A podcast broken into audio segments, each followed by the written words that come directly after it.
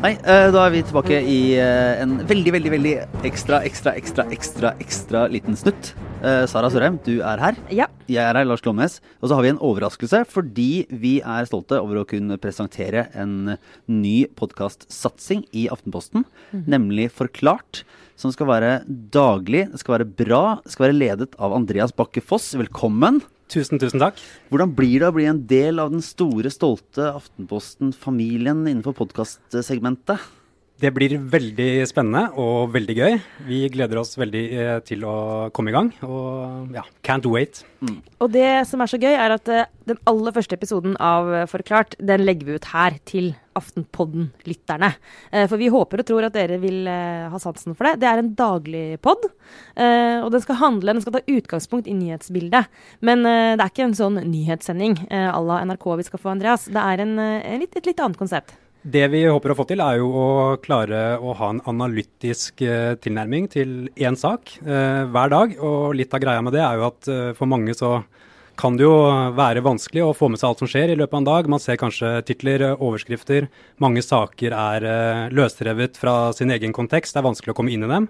Vi ønsker å forsøke å hjelpe lytterne til å rydde litt opp, og prøver å, å gå inn i én sak hver dag med en litt uh, bred tilnærming, og forklare litt nærmere hva den dreier seg om.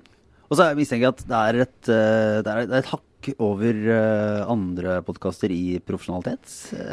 Hvilke tenker du på, Lars? Nei, nei jeg, jeg skal, det er vanskelig. Jeg skal, ikke, jeg skal ikke peke på noen andre, i hvert fall. Så kan, jeg, kan du peke på oss selv. Ja, vi kan si at eh, der vi har den litt slentrende tonen, så kan vi love en uh, liten uh, Hva skal vi si? En litt raskere og litt mer effektiv gjennomgang av en eller to av dagens saker i For ikke, Forklart. her er det ikke snakk om å snakke seg bort og, og rote rundt i 40-50 minutter. Nei, det som er formatet her er en type maks eh, 20 minutter, mellom 15 og 20 minutter. Og det som er veldig gøy med Forklart, er jo at uh, historiene og sakene fortelles av Aftenposten sine egne journalister, utenrikskorrespondenter og kommentatorer. Sånn at man eh, blir jo kjent med de eh, på en litt annen måte. De får fortelle om sakene og kommentarene sine og det de opplever, direkte til lytteren på en litt annen måte enn man får på aftenposten.no og i papiravisen. Ja, og så er det altså Du får høre, høre første episode her på, i vår, sånn, vår podkast-feed. Og så er det jo da å søke opp den, eh, den nye da på, på nytt. Fordi det kommer Den første episode kommer på, altså nå på onsdag, og så kommer det torsdag og fredag. Eller kommer det? Hvor mange dager i uka er det? Det kommer fem dager i uka, og det legges ut hver morgen. Sånn at eh, når du våkner, så har du en eh, ny episode på 15-20 minutter klar, som er helt perfekt på vei til jobben. Kult. Og så kan jeg jo røpe da, eh, at det første episode, den du skal få høre nå, den handler om noe som ligger mitt eh, hjerte nært. Altså, det blir ikke noe sjokk for Aftenpoddens lyttere akkurat hva som er tema nå, Andreas. Og det som er veldig gøy, er jo at i første episode, kan vi jo røpe her og nå til Aftenpodden sine lyttere, så er jo Sara med. Sånn at det blir eh, veldig bra for dere å få høre Sara allerede i første episode av Forklart.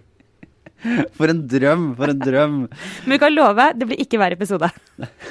Det, det, det er de som er sånn, tenker jeg at Det blir ofte en, nok, tenker jeg. Ja, tenker én dag i uka, helt fint. Fem dager i uka, kanskje litt mye. Ja. Nei, men Så gøy. Da setter vi i gang, eh, og så er vi tilbake med en vanlig, en helt, helt vanlig, en helt ordinær episode av eh, Aftenpoden på torsdag. Fint, fint. Hør nå.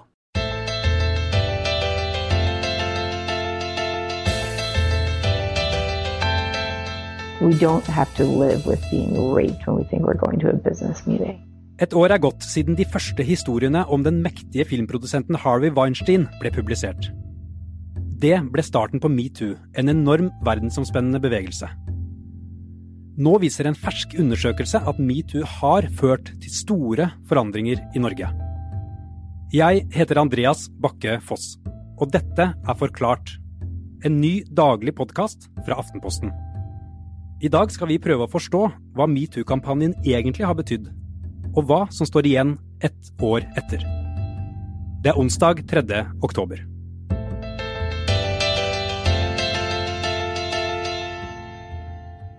«15. oktober i fjor skrev skuespilleren Alissa Milano dette på Twitter.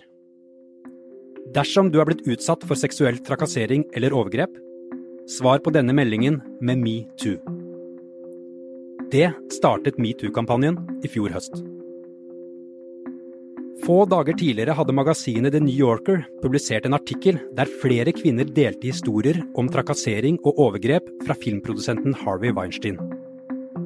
Hashtaggen metoo ble til tusenvis av historier om slibrigheter fra maktpersoner på jobb, hender på avveie på julebord, og menn som reduserer kvinner til kropp og kjønn på møter. I Norge sto hundrevis av kvinnelige skuespillere, dansere, musikere og flere andre grupper frem med sine historier i opprop. Senere kom også avsløringer i politikk og samfunnsliv. Sentrale menn, som f.eks. Arbeiderpartiets nestleder Trond Giske, måtte gå fra ledende verv og posisjoner. Jeg er lei meg for at jeg ikke har vært bevisst nok på min rolle, på min makt, i sosiale sammenhenger. Ansvaret mitt. Jeg har gjort feil og jeg sier unnskyld.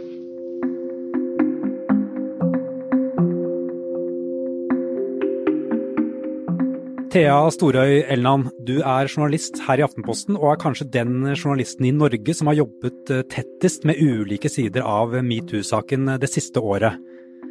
Det startet med oppropene i fjor høst, og sammen med flere kolleger så jobbet du også frem sakene om eh, varslene i Unge Høyre, som førte til at leder Christian Tonning Riise måtte trekke seg. Kan du ta oss med tilbake til i fjor høst og beskrive hvordan du opplevde starten av metoo? Jeg syns det var utrolig spennende. I Norge så starta det jo egentlig med varslingssaker i mediene. Men eh, det var først da skuespillerne sitt opprop stille for opptak eh, kom, at eh, ballen virkelig begynte å rulle i Norge. Um, og etter det så fikk vi jo bare flere opprop, og så etter hvert så begynte hele debatten å handle om stort sett to menn. Trond Giske og da Christian Tonning Riise. Da tenkte jeg at jeg skulle si noen ord først. Ehm, det er sånn at jeg ble informert først om at uh, Tonning Riise ville trekke seg kort tid før det ble offisielt kjent. Det var da Høyres generalsekretær som informerte til meg når jeg var i USA. Det er han som uh, håndterer sånne saker i partiet. På det tidspunktet ble vi ikke informert, eller jeg ikke kjent med, og jeg tror ingen av oss var kjent med det fulle alvoret i saken, sånn som det i ettertid har fremkommet. I oppropene turte mange å stå frem med sine erfaringer, og snakket åpent om seksuell trakassering. Og det har satt tydelige spor i samfunnet, også i Norge. Det kommer frem i en ny undersøkelse Respons Analyse har gjort for Aftenposten. Um, Metoo fikk jo kritikk for å egentlig bare være et uh, blaff, at det bare var en hashtag som ikke kom til å ha så stor betydning. Men den undersøkelsen som vi nå har gjennomført med responsanalyse, den viser noe helt annet. Den viser faktisk at hele 60% altså nesten to av tre, mener at metoo har bidratt til å redusere seksuell trakassering i samfunnet. Altså ikke bare at den har satt fokus på seksuell trakassering, men har bidratt til å redusere trakassering. Eh, og i tillegg så mener hele 82% som er nesten Jo, det er da over eh, fire av fem, at eh, metoo satte søkelys på et reelt problem i samfunnet. Og forskere vi har snakka med, er ganske overraska over de her høye tallene. Og det viser jo egentlig da at metoo har faktisk satt seg fast i samfunnet. Metoo ble også kritisert for å være et elitefenomen. Hva sier undersøkelsen om det, Thea? Jo, det er kanskje noe av det mest interessante med den undersøkelsen som vi har gjennomført. For den viser at det ikke bare var kvinner eller Oslo-folk eller den såkalte kultureliten som mente at metoo var bra. Det gjelder faktisk alle grupper i samfunnet. Så det er ingen forskjell, eller i hvert fall ingen store forskjeller, da, på oppslutninga mellom kjønn, eh, de ulike lønnsnivåene, om du har høy eller lav utdanning. Det gjelder over hele linja. Eh, og det viser at metoo har virkelig har nådd bredt ut og egentlig berørt eh, hele Norge, da. Du har besøkt et bilverksted, en mannsdominert bedrift, ett år etter metoo. og Hvordan vil du beskrive miljøet og endringene de har gjort der? Ja, vi besøkte et Toyota-verksted i Lierskogen, der de har gjennomført en kartlegging blant lærlingene sine, og hvor de fant ut at jenter det er noen jenter som har opplevd seksuell trakassering på arbeidsplassen. Og da starta de et opplæringsprogram med en ekstern coach som går gjennom lovverk med lærlingene, eh, hva som er grei oppførsel og ikke på en arbeidsplass, og gjør dem litt mer bevisst på sine egne grenser. Og så har de også hatt kurs for ledere um, om hvordan de skal oppføre seg mot lærlinger, og hva de skal gjøre hvis de mottar varsler om seksuell trakassering. Hva sier de selv der om hvordan metoo har endret miljøet på arbeidsplassen?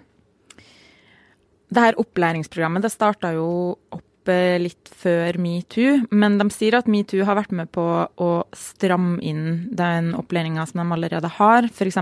kursene for ledere Eh, det har de fått eh, mer av. Ehm, og mer opplæring i hvordan de skal håndtere varsler.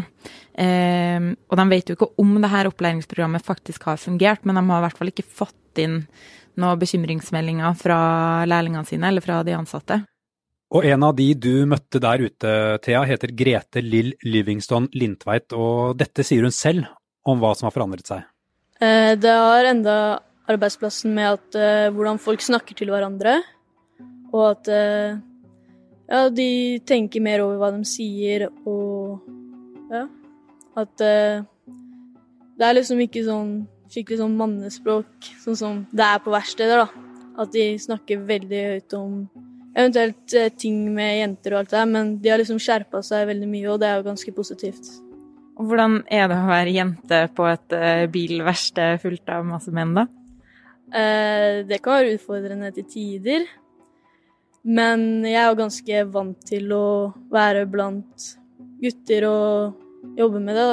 Og oppvokst med å være rundt mange gutter, så for min del så har det egentlig ikke vært så veldig mye forandring.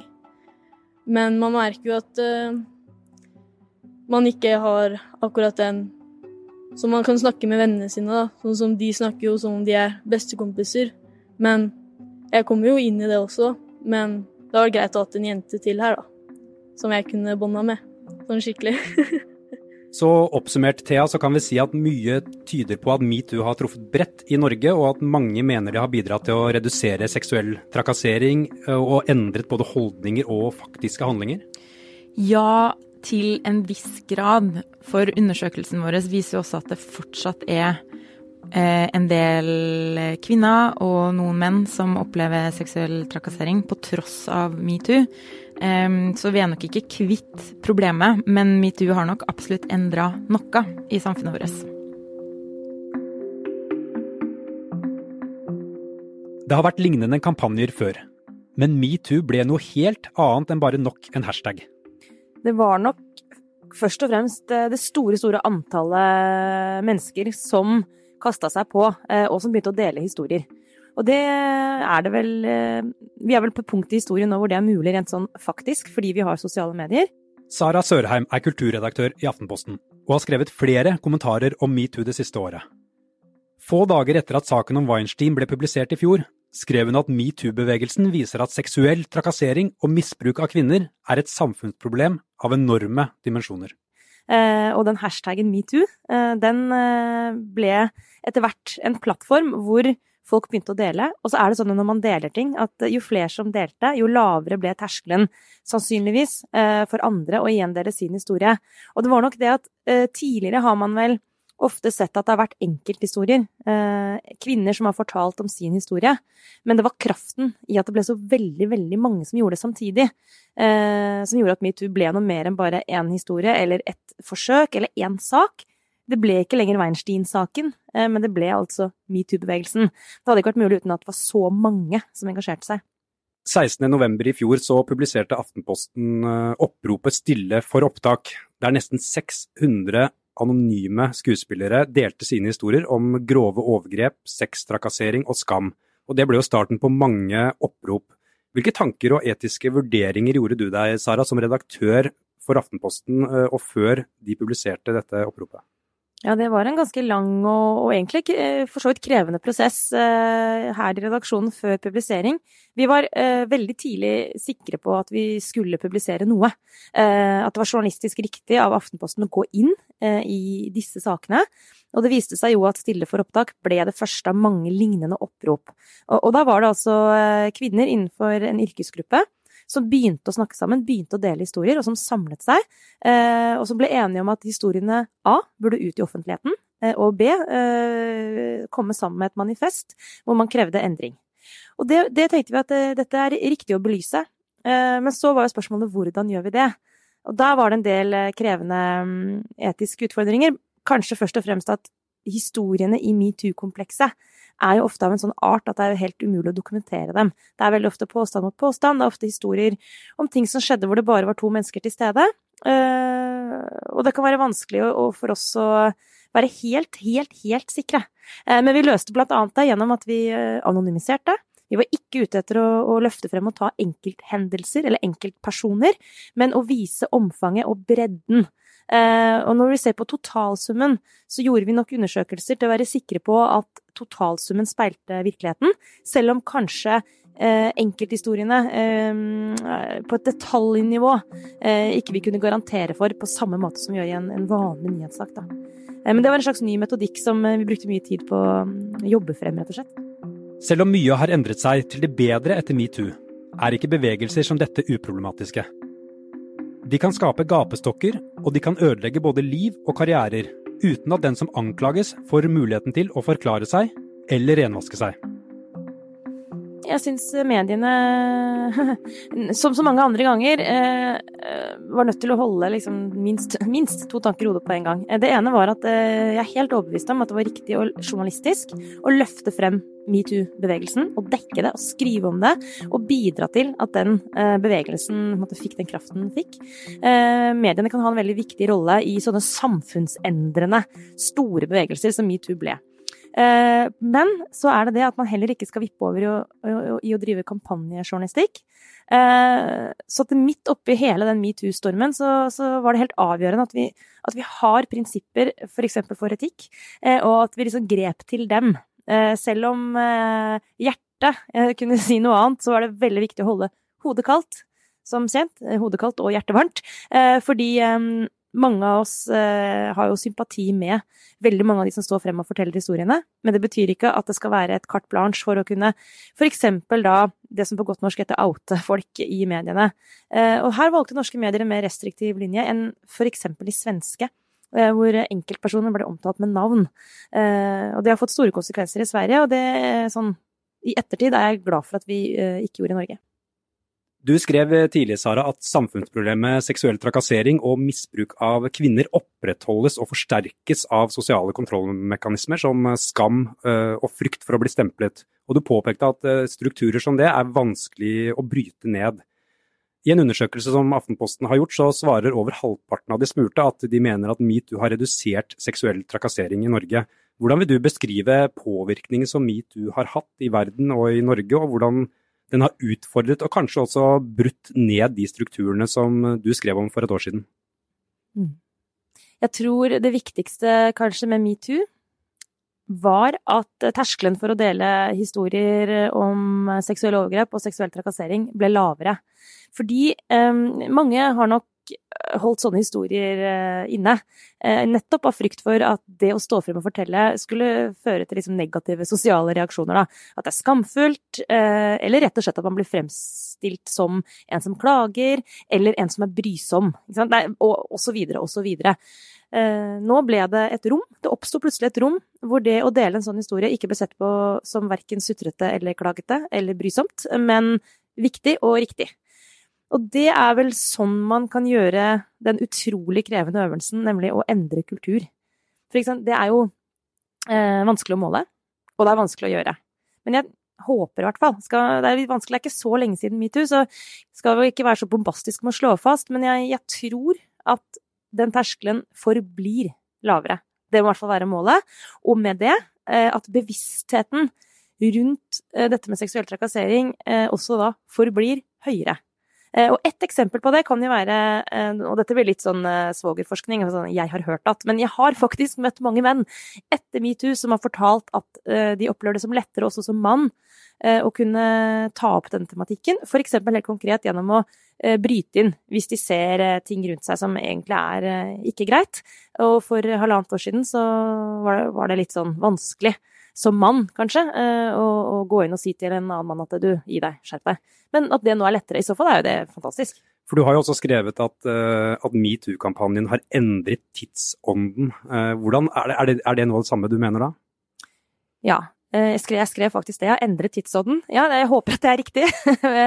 Da er menneskene generelt Vi er generelt veldig dårlige til å eh, navigere og beskrive og se vår egen tidsånd, da. Men Men hva tyder på at, at metoo har klart å skape en varig endring? hvis Nei, nå skal jeg tenke meg litt om, faktisk. Fordi hva, er, hva ville vært en varig endring av metoo? Hva ville vært en varig endring av tidsånden? Sånn, eh, for det skjer jo noen ganger faktisk at tidsånden endrer seg. Eh, den gjør det, og den kan endres. Tenk på 1968, eller andre typer sånne mm, sosiale bevegelser som har satt sitt eh, preg og formet liksom, eh, årene etter. Um, jeg tror fortsatt at metoo kan være et sånt eksempel. Um, beviset på det må vel være at kvinner som begynner på arbeidsplasser, kvinner som jobber i mannsdominerte miljøer, uh, unge jenter osv., uh, syns det er enklere å adressere spørsmål rundt seksuell trakassering, eller ta opp det temaet. At arbeidsplasser i mye større grad innfører regelverk for hva de skal gjøre hvis seksuell trakassering blir varslet. At vi journalister mye mer helt sånn naturlig begynner å stille spørsmål ved dette. Holder råken åpen. Det er summen av mange, mange sånne små ting som ville avgjøre om den tidsånden faktisk er endret. Og akkurat nå, da, hvis jeg skal våge meg på en spådom, så vil jeg si at ja, det er noe som er annerledes pga. metoo. I Aftenposten kan du lese mer om hva som har forandret seg etter metoo i dagene som kommer. Forklart er en podkast fra Aftenposten. Caroline Fossland er produsent, og Anders Weberg har redigert denne episoden. Du har hørt lydklipp fra NTB Scampix. Jeg heter Andreas Bakke Foss.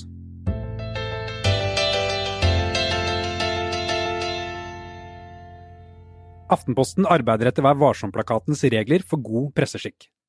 Nyhetsredaktør er Tone Tveøy Strøm Gundersen. Sjefredaktør er Espen Egil Hansen.